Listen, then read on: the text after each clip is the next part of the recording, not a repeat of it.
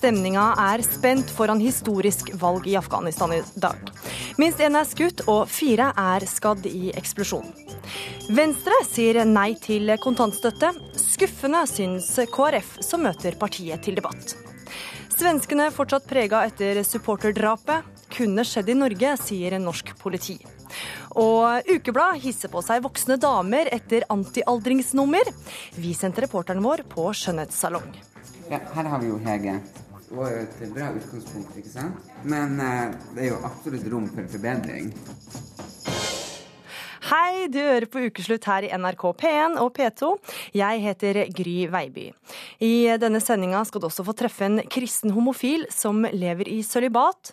Det er mann og kvinne som er fasiten, sier Carl Rune Nilsen, som advarer mot at kirken skal vie homofile. Ja, I dag dypper afghanere fingeren i blekket for å stemme på sin presidentkandidat. Men stemninga i landet er spent. Valglokalene hadde i dag knapt rukket å åpne før fire personer ble skadet i en eksplosjon ved et valglokale i provinsen Lågar.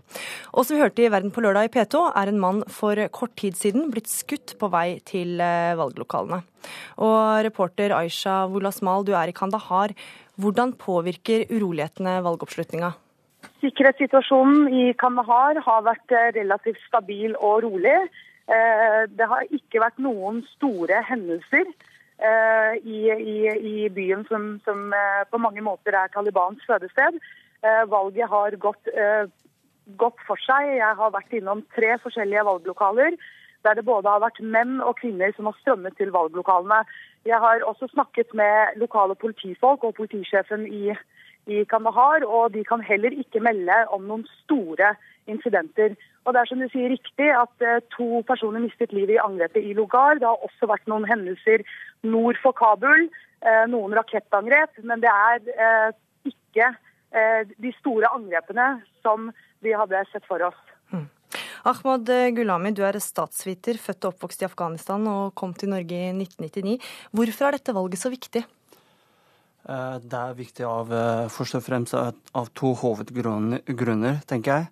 Det ene er at eh, det er første gangen politisk makt overføres fredelig fra en president til en annen. Og at det er folket som bestemmer. Eh, tidligere har det vært slik at det var politiske fraksjoner som eh, avgjorde hvem som eh, skulle styre Afghanistan, men denne gangen så er det velgerne eller afghanerne som får bestemme hvem skal bli deres president. Den andre grunnen er at det er afghanere som står for arrangeringen og gjennomføringen av valget. Mm. Tidligere har det internasjonale samfunnet vært veldig dypt involvert. Eh, man har hatt til og med medlemmer i valgkommisjonen. Eh, nå har vi ikke det, så eh, i tillegg står afghanere selv for sikkerheten av valget. Så dersom valget gjennomføres noenlunde fritt, og at sikkerhetsstyrkene greier å avverge store angrep, så, så, så, så er det veldig bra og positivt for Afghanistan. Mm. Aisha, du har reist mye i landet. Du har afghanske foreldre og har jobba på ambassaden i Kabul og vært ISAF-soldat. Hvordan har du opplevd at landet har forandra seg? Landet, Det er jo himmel og hav forskjell mellom, eh, mellom, det Afghanistan jeg besøkte som barn på sommerferie i 1998 under Taliban, og det Afghanistan jeg ser i dag. Jeg må også eh, tilbake til det eh, Olan sa. Så er jeg helt enig med ham. Det er jo om det er noe som er spesielt og unikt ved dette valget, så er det vel at det er afghanskledet og det er afghansk eierskap. Det er ingen internasjonale eh, styrker å se i Kandahar. Eh, afghanerne er veldig opptatt av at dette er noe de ønsker. Eh, dette er noe de ønsker å oppnå på egen hånd. Og så langt så ser det ut til at de har klart å håndtere de store sikkerhetsutfordringene, i hvert fall i Kandahar. Og så tilbake til ditt spørsmål. Det er jo sånn at Da jeg var her under Taliban Eh, da jeg også jobbet eh, i Faryab for, for, for det norske forsvaret, så, så, var jo situasjonen en helt annen. Nå er jo afghanere helt innstilt på og overbevist om at demokrati er veien å gå. Eh, dette gjelder selvsagt befolkningene i storbyene. På landsbygda har det ikke vært så veldig mye utvikling. Hmm. Gulami, hva tror du om valgoppslutninga ved dette valget? Jeg tror valgoppslutningen kommer til å bli noe høyere enn sist. Sist gang så var valgoppslutningen på litt over fire millioner. Eh, og den følelsen som jeg ser blant afghanske velgere, at deres stemme teller, at deres stemmer gjør en forskjell, jeg tror det, det, det, det kan være nok til at flere stemmer. Eh, det er meldt om dårlig vær og regnvær i dag, og at vi vet om trusselen òg. Men som Aisha sier, det er, det er, lange køer i store byer, i hovedstaden i Kabul, også Mazar og Herat og også andre byer. Aisha, helt til eh, slutt. Det er jo en ekstraordinær sikkerhetssituasjon her, og i går ble to journalister skutt, og en av dem døde. Er du redd? Vel, jeg må jo si at jeg gjør alt jeg kan for å, for å se, se så lokal ut som mulig. Tidligere så har jeg prøvd å unngå å farte rundt i burka, men hele dagen i dag så har jeg gått i en lysegrunn burka, og det har gått fint. Og, og, og jeg tenker jo at eh, altså etter angrepet i, i Hoss på de to journalistene, der én ble drept, så virker det jo som at det er målrettede angrep mot journalister. Så vi er jo alle eh, veldig bekymret for hverandre. Men dagen i dag har egentlig vært preget av eh, å, å, å dekke eh, valget fra sør og snakke med kvinner som aldri før har stemt. Mm. Da er det bare å ønske lykke til og håpe at eh, valget forløper fredelig.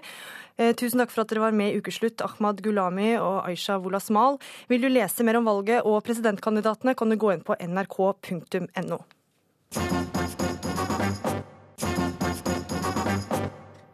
En uke etter supporterdrapet i Helsingborg har det vokst fram et hav av fotballskjerf, blomster og brev på stedet hvor den 43 år gamle firebarnsfaren og Djurgård-supporteren ble slått og sparket i hjel. Drapet har vakt sterke følelser blant svenskene, og et samla Helsingborg går nå sammen for at søndagens hendelse ikke skal gjenta seg.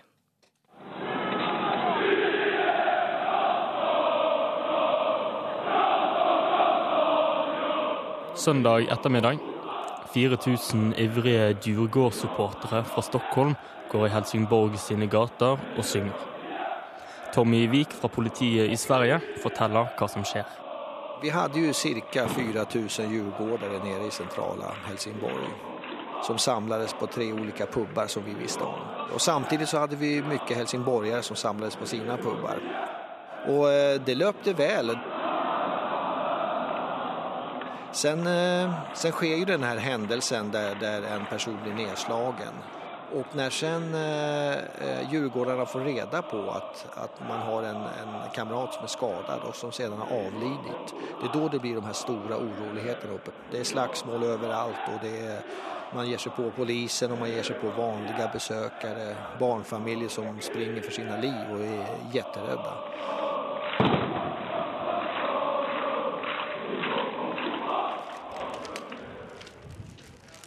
I midten av Helsingborg, på en liten høyde, ligger Kjernan.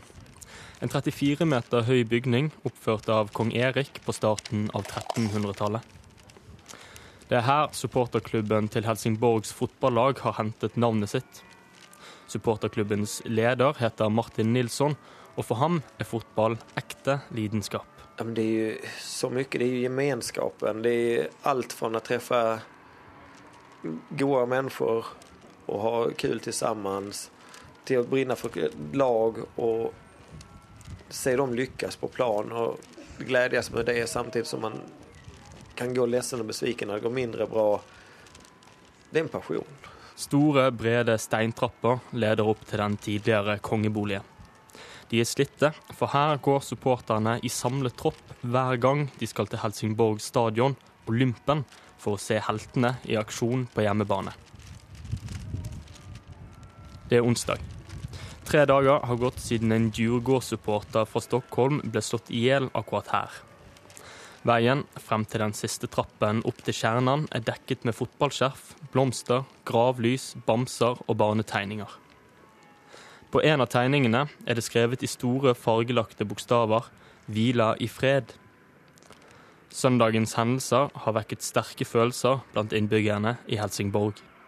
Det finns ju så mycket glädje och kärlek bakom alla sporter och det är ju framförallt fotboll och det är ju en stor sport med mycket, många människor som tycker det är fantastiskt och då är det konstigt att sådana här hemska grejer kan hända i samband med det. far till fyra barn mista livet. Då är det han som gjorde det sista slaget, det borde skämmas och borde ha på sitt eget samvete. Det är en stad som, eh, som eh, hade upp, lagt upp för fotbollsfest och, och, eh, sen hände detta och allting bara, hela, hela stan bara, hela luften gror hela stan. Supporterklubben Kjernan sin leder, Martin Nilsson, sitter på sportsbaren Pitchers. Vanligvis sitter han på klubbens stamkro The Headless One, men den ble rasert i helgens opptøyer og er ennå ikke åpnet. Martin forteller at samarbeidet med politiet i Helsingborg ikke har vært godt nok. Han mener de ugleser supporterkulturen, og at de ofte provoserer med måten de opptrer på. Når vi f.eks. skal gå fra eh, vår samling opp til matchen så skal det jo ikke være en mur av poliser som går rundt. for det skaper jo en otrygghet at poliser som syns veldig mye på stan. Klart ni ska vara där och vara beredda om någonting händer men det ska ju inte vara det som syns så att det nästan är fler poliser än supportrar som går. För då, då, ser, då kopplar man supportrar till något dåligt. Supportrarna är inte något som är dåligt. Det är de som hjälper till att lyfta laget lyfta, stå för stämningen på läktaren. Ja, jag heter Tommy Wik och är kommissarie och var stabschef på den här i söndags. Eh, I, I söndags hade vi 16 poliser som hanterade 4 000 djurgårdare. Det tycker inte jag är för många poliser framme. Jo, eh, våra supporterpoliser jobbar ju med kärnan nästan varje dag, även när det inte är fotboll. Man träffas och man pratar och sådär. Så att eh, den, den, återigen, det, det är jag som tror att och tycker att den, den är rätt så bra, den dialogen där. Tilbake i sentrum av Helsingborg. Ingen går forbi havet av fotballskjerf uten å stoppe opp. Både København, Helsingborg, Stockholm, Göteborg, Malmö, Manchester City og Liverpool er representert.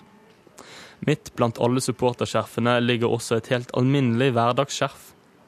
Drapet har også berørt de som ikke er lidenskapelig opptatt av fotball. En av de er Sara Martinell. Hun var bare 30 meter unna da Dugård-supporteren ble slått i hjel. Det kjennes som at man sitter og holder hånd om selskap litt. Og han er jo ikke herifrån, så han vet jo ikke var han er. Riktigt. Blir du, blir du berørt når du er oppe? Ja, det blir jeg. Absolutt.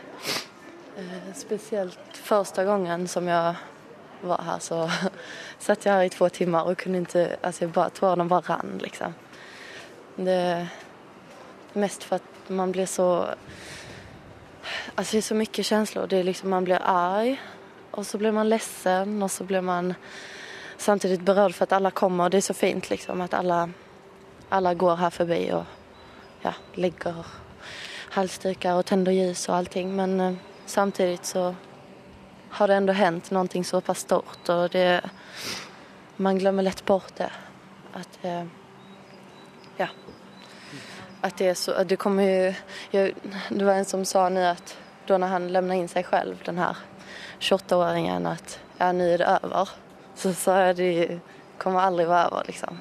Det er presis bare begynnelsen, og spesielt for hans familie. Det, det er aldri over.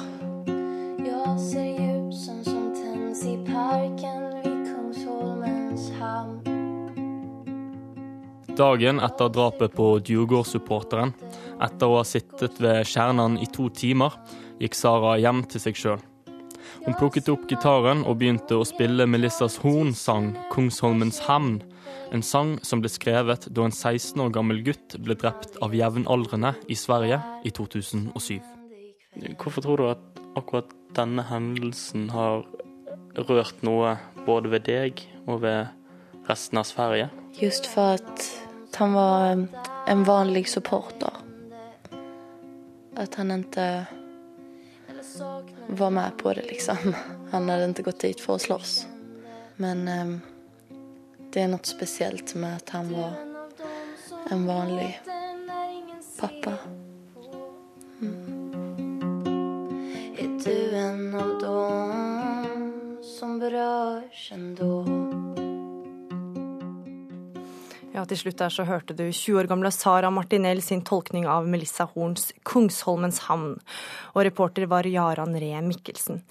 Magnus Borgen, i ett år reiste du verden rundt for å se fotballkamper, og resultatet ble boka 'Fiender til vi dør'. Hva er din forklaring på at dette skjedde i Sverige? Er flere årsaker til at dette skjer i Sverige. Ehm, som sagt så reiste jeg et år rundt og så på hete fotballkamper rundt omkring i verden. Ehm, og det jeg så i Sverige, det, det fikk meg til å tenke at eh, søren, Sverige har egentlig eh, et av de største problemene i Vest-Europa når det gjelder håndtering av denne lille gruppen. For det er viktig å si at det er en liten gruppe mm. som, eh, som, liker å gå på fotball og utøve vold. Ehm, men jeg tenkte at Sverige, hvor du ser at politiet bruker batonger, politiet bruker pepperspray Så det har, det har sklidd litt ut i Sverige, og det har, har flere årsaker til det, selvfølgelig. En av det viktigste med Sverige er eh, at de har hatt en kultur på dette siden 80-tallet som de har slitt med å håndtere. Lovgivningen svenske myndigheter har hatt, har vært for svak. Eh, man har f.eks. For ikke forbudt uh, supportere å maskere seg på kamp. Altså gå med finlandshette og stå på tribunen uh, maskert. Har man ikke forbudt i Sverige tidligere. Uh, man har heller også vært litt for undervurdert dette temaet til tider.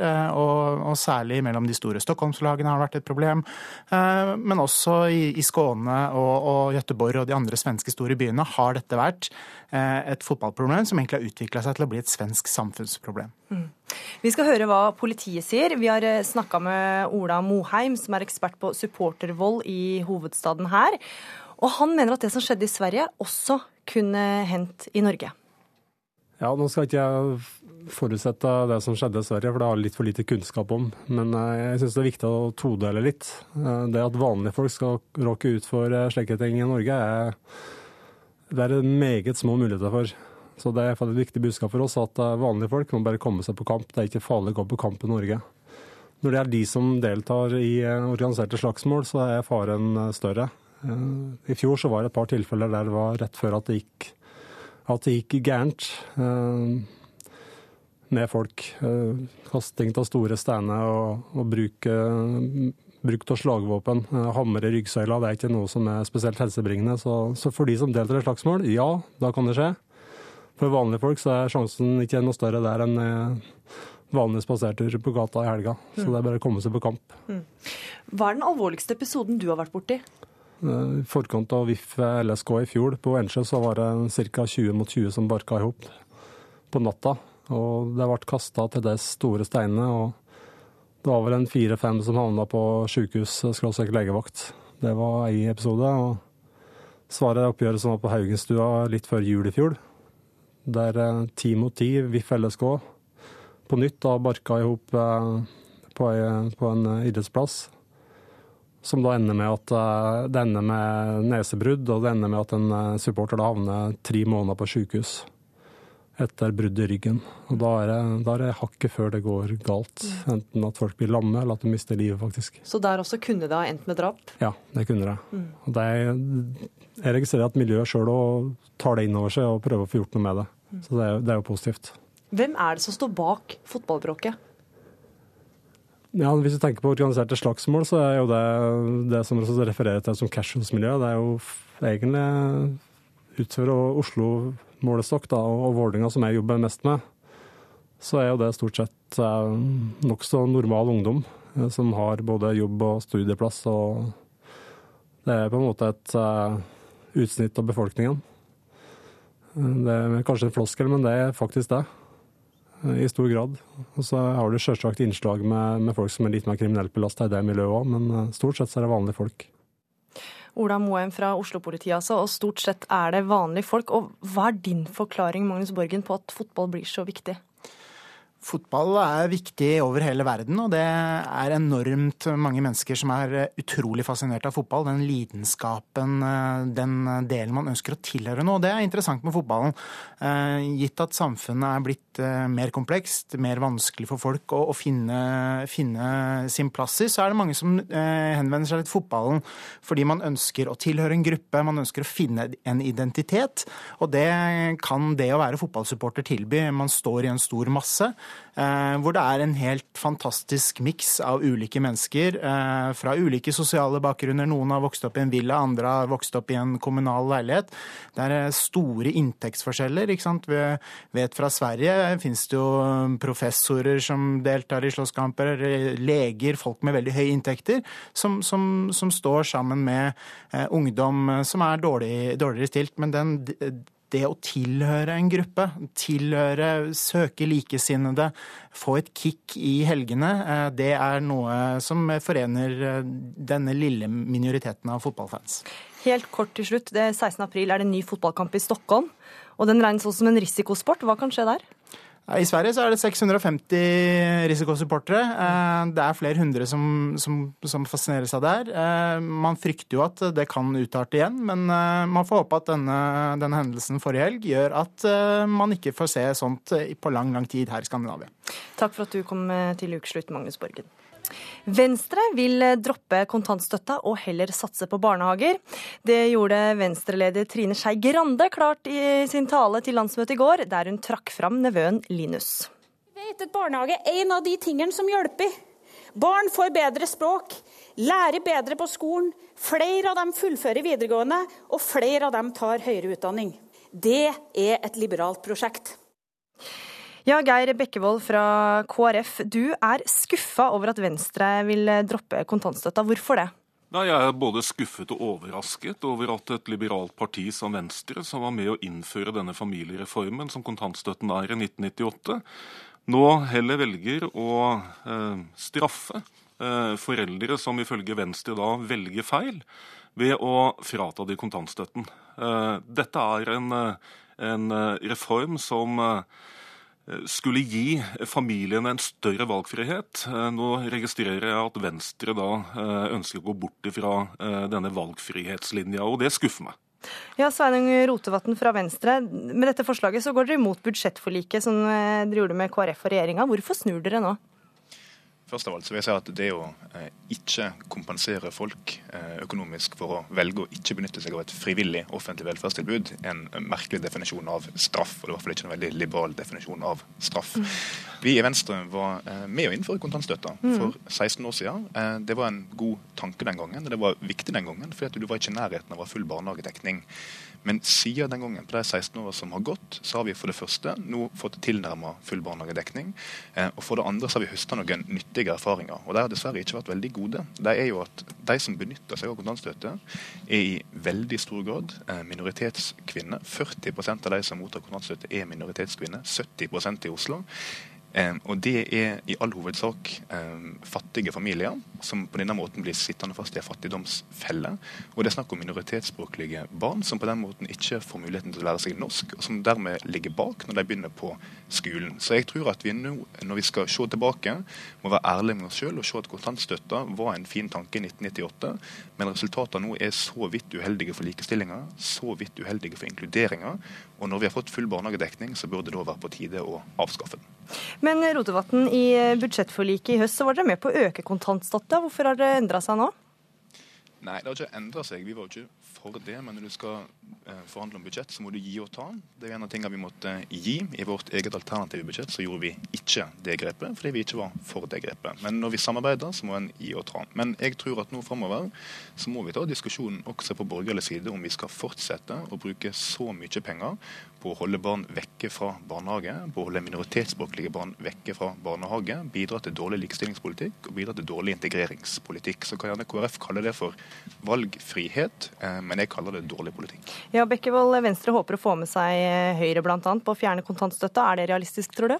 Ja, Det er i hvert fall ikke eh, realistisk i forhold til de signalene som har kommet fra Høyre etter at dette her kom fram på Venstres landsmøte. Jeg tenker at vi fra KrF sin side står trygt sammen med både Høyre og Frp om denne familiereformen som ble innført i 1998. Eh, og har i hvert fall ikke registrert at det kommer signaler der som gjør at eh, også de vil eh, følge i Venstre sitt fotspor. Og så syns jeg det er litt synd at Venstre også skyver noen grupper i samfunnet foran oss. Det er ikke slik at alle som mottar kontantstøtte med minoritetsbakgrunn, er dårlig integrert. Det er noen som selvfølgelig vi skal ha stort fokus på, men her snakker vi bl.a. om, om innvandrere familier, vi snakker om barn, vi snakker om tredjegenerasjons innvandrerbarn. I de statistikkene som Rotevatn forholder seg til, så, alle, så, blir alle telt med. Og de kan ikke påstå at alle disse er dårlig integrert. Rotevatn? Det vi vet er at 40% av minoritetsspråklige barn går ikke i barnehagen. Det gir dem et forferdelig dårlig utgangspunkt når de skal begynne på skolen. Det er dårlig integreringspolitikk, og kontantstøtta er dessverre et målretta virkemiddel for å sørge for at det fortsatt skal være sånn. Så er det riktig at uh, Venstre nå er det eneste partiet på borgerlig side som sier at vi vil gå vekk fra kontantstøtta når vi får full barnehagedekning. Ja, og Arbeiderpartiet og SV jubler jo sikkert over forslaget deres. Det er vel ikke akkurat et frieri til den blå-blå regjeringa, dette her? Nei, men Vi utformer ikke politikk for å fri til noen. Vi utformer politikk fordi vi mener det er riktig. og Vi vet jo at Arbeiderpartiet og SV er enige med oss. Det er bra. Eh, og Så får vi ta, ta, diskusjonen på borgerlig side, da. Men jeg forventer jo at f.eks. et parti som Frp, som er så opptatt av integreringspolitikk, ser de svært uheldige konsekvensene kontantstøtta har for nettopp integreringa. Og jeg forventer at et parti som Høyre, som er opptatt av ansvarlig økonomisk politikk og likestilling, også lytter til de argumenter som eh, har kommet fram om at kontantstøtta bidrar til det motsatte. Så har vi respekt for at det er ulike meninger i denne saken, men fra Venstres side så har vi valgt å ta inn over oss den kunnskapen vi har fått de 16 årene siden kontantstøtta ble innført. Og når vi nå snart har full barnehagedekning, så ser vi egentlig ikke noen grunn til å lenger kompensere folk for å ikke benytte seg av et frivillig velferdstilbud. Helt til slutt, så ifølge venstrepolitiker Abid Raja sitter dere med joystick i hånda og fjernstyrer eh, regjeringa. Når får dere fjernstyrt eh, Erna Solberg til å droppe kontantstøtta, Rotevatn? Vi forhandler om eh, budsjett med de andre borgerlige partiene hvert år. Så vi får nå se når diskusjonene kommer nå til høsten og neste høst. Men dette er i hvert fall et standpunkt som vi for Venstre tar med oss inn i forhandlingene. Og vi forventer og håper at det vil bli lytta til det standpunktet. Takk for at dere var med i Ukeslutt. Du hører på Ukeslutt i NRK P1 og P2. I dag er det 20 år siden Kurt Cobain døde.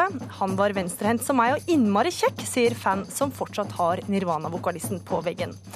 Og rens huden yngre, fjern rynkene og få flat mage med fettsuging. Ukeblad hisser på seg damer i sin evig ung-utgave. The voice of grunge music takes his own life. Seattle's Kurt Cobain is dead of an apparent suicide. The body of Nirvana's lead singer and songwriter was found today in a guest cottage at his Seattle home. The medical examiner says he died of a self inflicted gunshot wound to the head. A suicide note was found nearby. Rufsete, halvlangt blondt hår, slitte olabukser og gitar. Det er sånn eh, mange husker Kurt Cobain, vokalisten i grunge-bandet Nirvana, som ble verdenskjente på begynnelsen av 90-tallet, da MTV fortsatt spilte musikkvideoer. Og i dag er det 20 år siden eh, Kurt Cobain tok eh, livet sitt.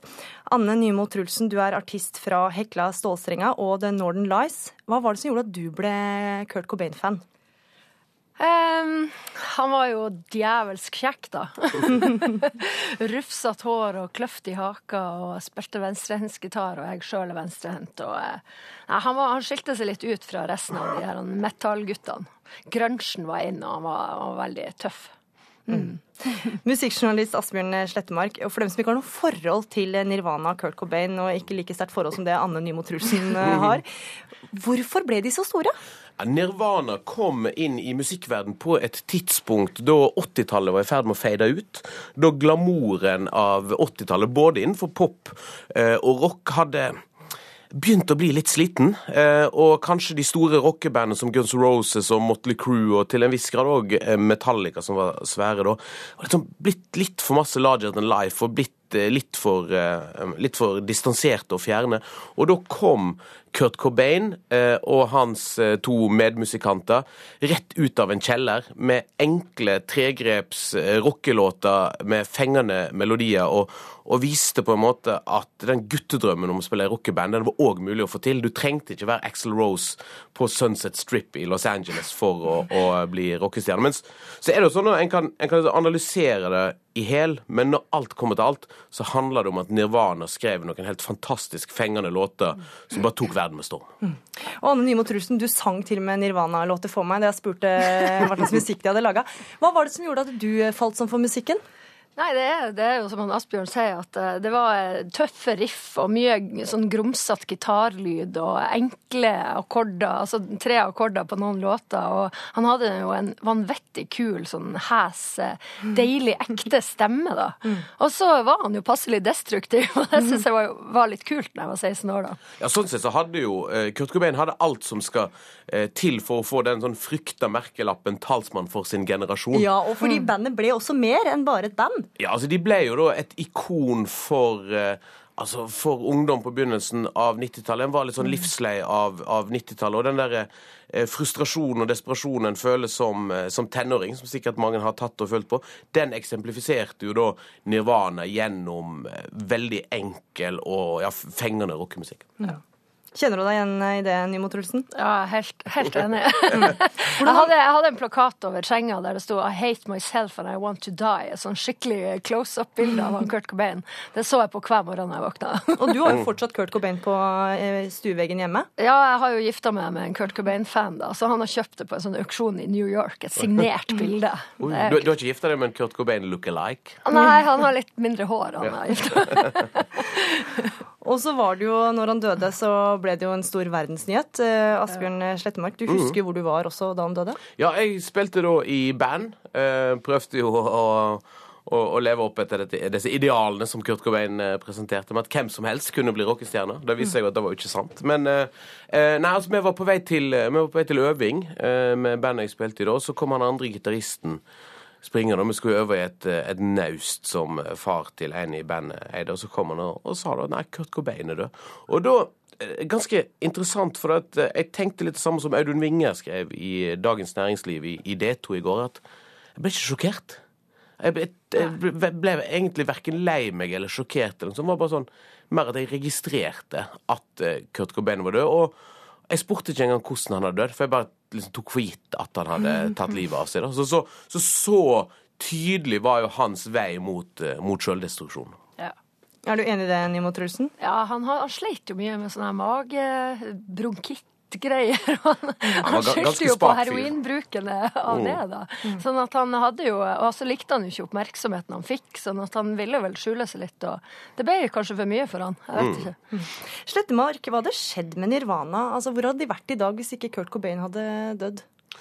Um, det er veldig vanskelig å svare på, for jeg tror det som skjedde med Nirvana, var ganske uunngåelig. Altså, det var liksom um, meldingen om om en varsla katastrofe, eh, at, at, Kurt Cobain eh, døde. Eh, men sannsynligvis så hadde de vel prøvd å, å gjenskape seg på et eller annet vis for, for 90-tallet. Eller mest sannsynlig så hadde de nok forsvunnet ut i en kanskje større obskuritet enn hva enn den hva skal jeg si, eh, berømtheten de nyter i dag. For at, mm. eh, som det ble sagt her, så hadde jo altså Kurt Cobain var ikke interessert i suksess. Han var ikke interessert i å stå foran 40 000 mennesker på Roskildefestivalen som sto og hoppa opp og ned til musikken hans. Han ville spille obskur, rar musikk og name-droppa band som ingen andre hadde hørt om. Han hadde lyst til å mm. være en del av undergrunnen og ikke en del av, av eh, pophysteriet. Så jeg tror, jeg tror de hadde forsvunnet, feida sakte ut og blitt et obskurt band. Hva tror du, Nimo Trulsen? Jeg er helt enig. du begynte å like de enda bedre etter at uh, ja. han døde?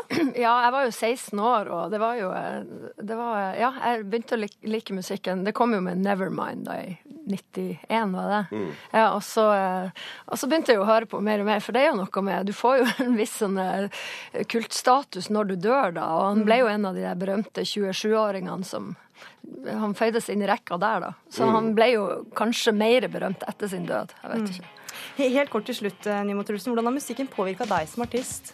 Nei, jeg fikk jo lyst til å spille i rock. Så ta inn det ekte i musikken, og det har vi jo gjort i både Hekla Stålstreng og Non Lice, vil jeg si. Mm. Takk for at dere kom til ukeslutt, eh, Asbjørn Slettemark og Anne Nymo Trulsen. På nrk.no kan du lese hele historien om Kurt Cobain og om da Nirvana spilte på Kalvøya i 1992. Skal homofile få gifte seg i kirken? Så spør jeg deg. Line Høydal Forsmo. Vil du ha Eirin Tangen Østgård som står ved din side til din ektefelle? Ja. Siden dere nå, i vitners nærvær, har lovet hverandre å leve sammen i ekteskap, erklærer dere med dette for å være rette ektefolk. Gratulerer. Et lite klipp fra radiodokumentaren To hvite bruder, som eh, måtte gi sitt ja i rådhuset. Snart blir det, debatt om homofile skal få gifte seg i kirken, men først skal vi til kirkemøtet, der dette skal diskuteres i kveld. Og reporter Eva Marie Bulai, du er i Kristiansand. Hvem er det som er der? Jo, Hvis du husker eh, stortingsvalget i høst, så kunne vi også stemme på bispedømmeråd. Og nå er da alle landets bispedømmeråd samla her. Det er da menige folk som går i kirka si og er engasjert der. Og så er det jo selvfølgelig prester og andre ansatte i kirka, og så er det de tolv biskopene. Og Til sammen så er det 116 personer her som utgjør det man kan kalle for kirka sitt storting. Og, og, disse skal da i kveld eh, debattere om homofile skal få kunne gifte seg i kirken, og hva kan utfallet bli? Jo, nå sitter jeg faktisk her med en uh, bryllupsinvitasjon. Der står det 'Velkommen til vielse i kirka vår'. Og så står det 'En lørdag i juli 2015?' spørsmålstegn, hvis Kirkemøtet vil. Det er mobilisert sterkt fra alle fronter. For her er det folk som virkelig ønsker at man skal få lov å gifte seg i kirka. Her er en stand rett ved siden av meg for Dagen, som er Norges mest konservative kristne avis. Og eh, Frem til nå så har eh, denne saken blitt diskutert på lukka møterom i komiteer. Og den eneste komiteen på Kirkemøtet i år som har bare én sak på agendaen, det er dem som behandler denne saken her. Mm. Og Det har blitt sagt at det er ganske høy temperatur inne på møterommet, og i kveld skal det da altså ut i plenumssalen, og da er det sagt at da braker det løs. Og veldig kort, hva, Tror du at homofile kan få gifte seg i kirka i nær framtid? Altså, det er helt åpent. Det er sterke fronter på, sider, sånn jeg, på begge sider, sånn som jeg har sagt.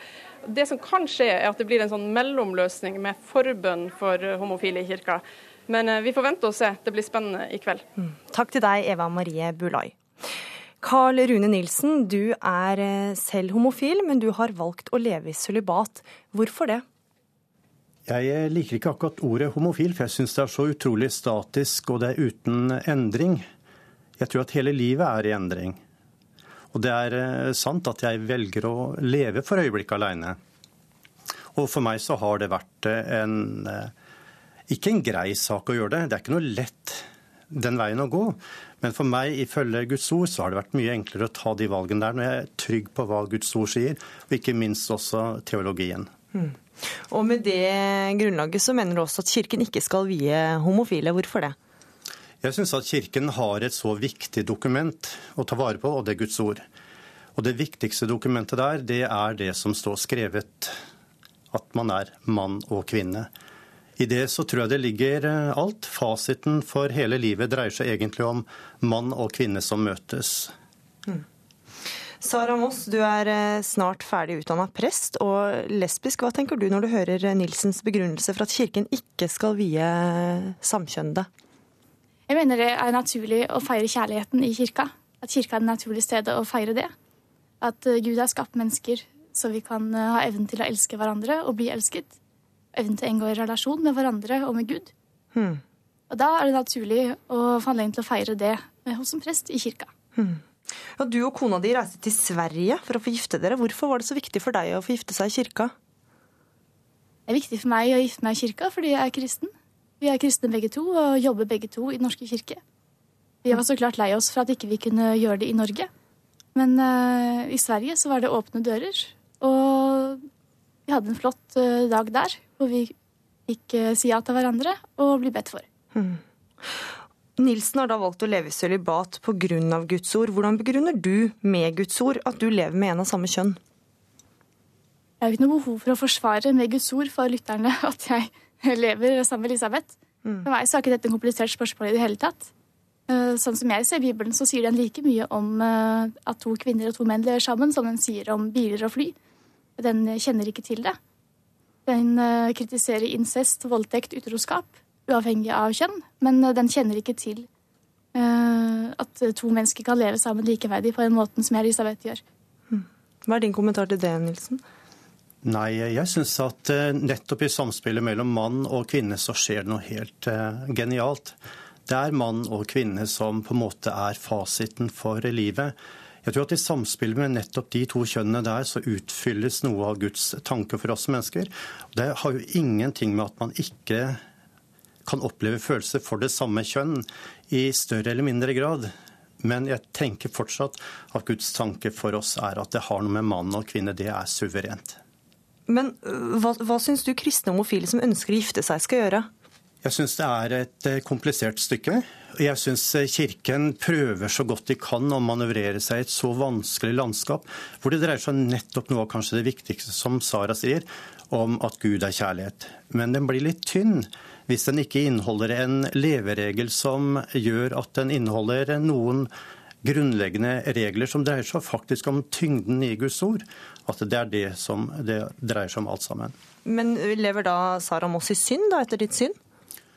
Jeg har liksom så vanskelig for å definere når det gjelder synd, for det er så mye som man får lyst til også å kaste på hverandre, og det har jeg ikke lyst til å gjøre. Jeg har lyst til først og fremst å uttale meg litt for min egen del. Eh, Og så skjønner jeg at Kirken har et veldig stort dilemma, og de har blitt eh, slitt i så mange retninger i de siste åra, så at det er et problematisk felt for Kirken, det skjønner jeg absolutt. Og nå mener du at de bør falle ned på at eh, samkjønnede ikke skal få gifte seg? Ja, I hvert fall det jeg opplever i Guds ord, så oppleves det klart og tydelig at det er mann og kvinne. Hva sier du til det, Sara Moss? Jeg hører hva han sier, men jeg tror Gud har skapt større variasjon enn som så. Og jeg tror eh, samlivets mangfold er større enn bare menn og kvinner som får barn sammen.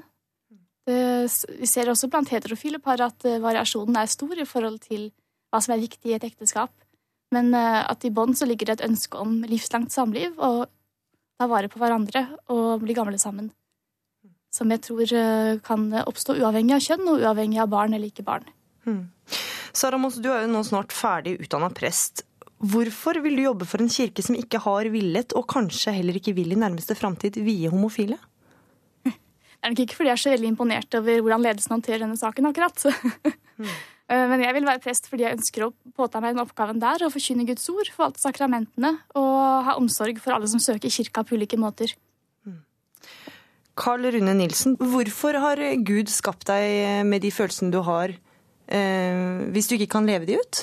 Jeg tror det har med bakgrunn å gjøre. Oppvekst, barndom. Jeg tror det er eh, fravær av en eh, far. Helt klart og tydelig at eh, det har vært en sterk eh, markering i mitt liv akkurat når det gjelder. Det ligger alltid bak noe. Bak alle grunner, bak alle årsaker, ba- bak alle bortforklaringer og hva den er for noe, så ligger det et sår.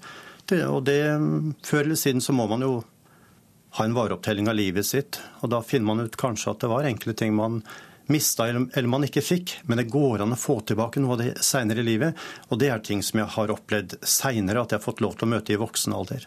Hva tenker du, Sara Moss, når eh, Karl Rune Nilsen omtaler det som et sår? Det er jo ikke godt å ha et sår. Det vet alle som har slått seg. Og jeg håper for Karl Runes del at det såret på en eller annen måte vil gro. Og i kveld så skal det altså diskuteres eh, dette temaet på eh, kirkemøtet. Hva håper dere blir utfallet? Du, Sara Moss, hva håper du blir utfallet? Jeg håper jo at Norske kirke nå vil eh, stemme for at alle skal kunne gifte seg i kirka, som ønsker det, og at prester skal få lov til å følge norsk lov. Det er også veldig viktig for mange av oss prester at vi skal få lov til å vie de som ønsker å feire kjærligheten i kirka. Jeg tenker jo akkurat at det Jeg vil nok føle en bedrøvelse og en dyp sorg over en avgjørelse som går mot akkurat det Sara ønsker. Dyp splittelse, med andre ord. Tusen takk for at dere var med i Ukeslutt. Denne uka har damer i alle aldre hissa seg opp over forsida av antialdringsutgaven av bladet Henne vakker. Magasinets forside består av tips om Botox mot rynker, fettsuging for flat mage, stamcellebehandling for glatt hud og bleking av tenner, pluss eh, tips for sprettrumpe på seks uker. Ukeslutts reporter Hege Holm, 52, gikk på skjønnhetssalong der hun fikk hjelp av stylist Erlend Elias Bragstad. Ja, her har vi jo Hege. Det var jo et bra utgangspunkt, ikke sant? Men eh, det er jo absolutt rom for forbedring. Og da er det jo fint å få litt ekspertuttalelse f.eks. på hår. Det ser for bleika ut. Ja. Hvis vi ser på ansiktet, så ville jeg kanskje ha satt litt Botox akkurat i øvre region, slik at man får et lite panneløft. Løft, ja. Ja, og den sinnarynka. rynka. Man får den bort. De, de Og verste eventuelt smilerynkene. rundt munnen. Ja. Erlend Elias og kollega Saba fortsetter å saumfare min kropp og mine klær. Men jeg er ikke alene om å ønske å se yngre ut. Magasinet Henne har i vår gitt ut et eget spesialmagasin, Henne vakker, for kvinner mellom 30 og 50 pluss.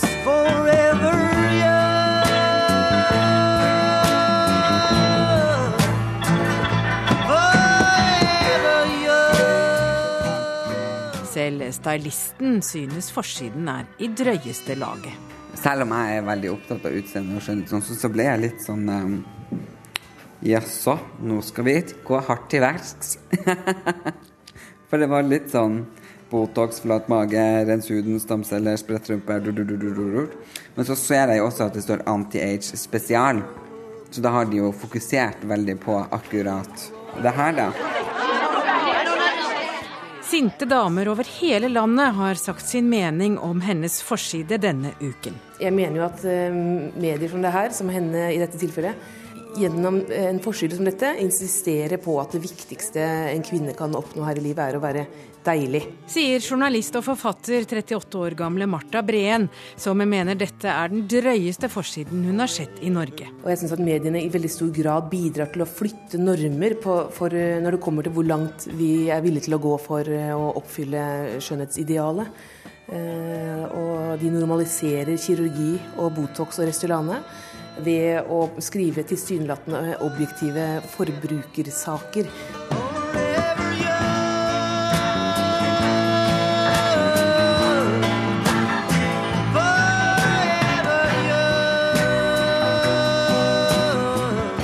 Eks-blogger Linnea Myhre kaller forsiden den jævligste hun har sett.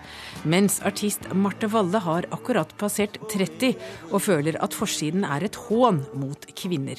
Jeg synes det blir på en måte kanskje å ikke ta kvinner helt på alvor heller, når at eh, spesialutgaven om skjønnhet kun skal dreie seg om alt det som vi kan fikse på, sånn at det ser yngre ut. Marte jobber på sykehus, og der møter hun mange som er på slutten av livet. Hva er det liksom virkelig det vi skal bruke tida vår på?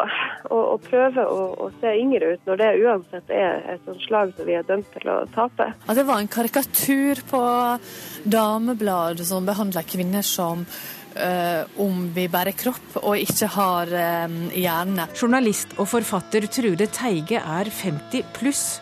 Og så er det altså et dameblad som har laga et anti-age-nummer. Så tenker jeg anti-age? Man kan ikke være mot alder og mot aldring. Henne Vakkers redaktør Laila Matsø er i permisjon og ville ikke være med i Ukeslutt.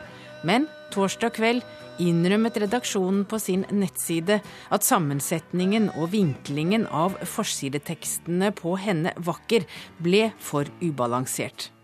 Henne heier på alle kvinner uansett kropp, står det. For å være ærlig, Tilbake på skjønnhetssalongen Oslo Her, der Saba nå fikser håret til Madeleine, mens de studerer den omstridte forsiden. Nei, men Det er jo henne vakker. Det er jo det det handler om. Skjønnhet. Så aldres med stil, da. Alle må få lov til å velge hva man på en måte har lyst til å gjøre med seg selv. Absolutt. Det er sikkert bare mer inspirasjon, tenker jeg. Ja. Men eh, sånn som Botox og fillers og sånn, det er Alle noe gjør annet. det, men man prater kanskje ikke så høyt om det. Det er liksom janteloven ennå.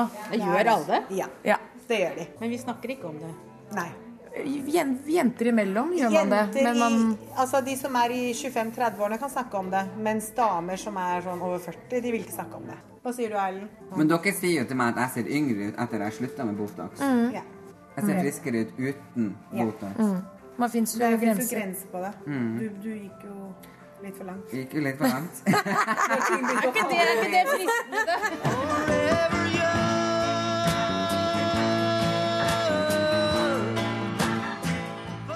Også sinnadamene Trude, Marte og Martha innrømmer at de er ikke uberørt av bladenes skjønnhetstips. Men de har også sine. Det beste er å komme seg ut og bevege seg litt. Altså, det tror jeg gjør underverker. Skjønnhetstips, søvn er det beste skjønnhetstipset mitt. Det må være å lese eh, flere bøker, for da blir man mer interessant. Erlend Elias Brakstad har fikset på damer i over ti år. Kundene mine som jeg har, og ellers folk jeg prater med, sånn, de, de syns det er grusomt at man blir eldre. Selvfølgelig, alternativet er jo verre enn å ikke bli eldre. Men, men jeg tror at man må jo bare være der i nuet og Ja, sånn som du sa til meg, at du har akseptert hvordan du er, og fornøyd med den du er, og, og glad i deg sjøl. Og da tror jeg du at du blir vakker og utstråler en vakker eh, aura rundt deg. Ukeslutt er slutt. Ansvarlig for sendinga var Elisabeth Onsum. Teknisk ansvarlig var Erik Sandbråten. Skript var Lars Christian Rød. Og i studio var Gry Veiby, som takker for følget.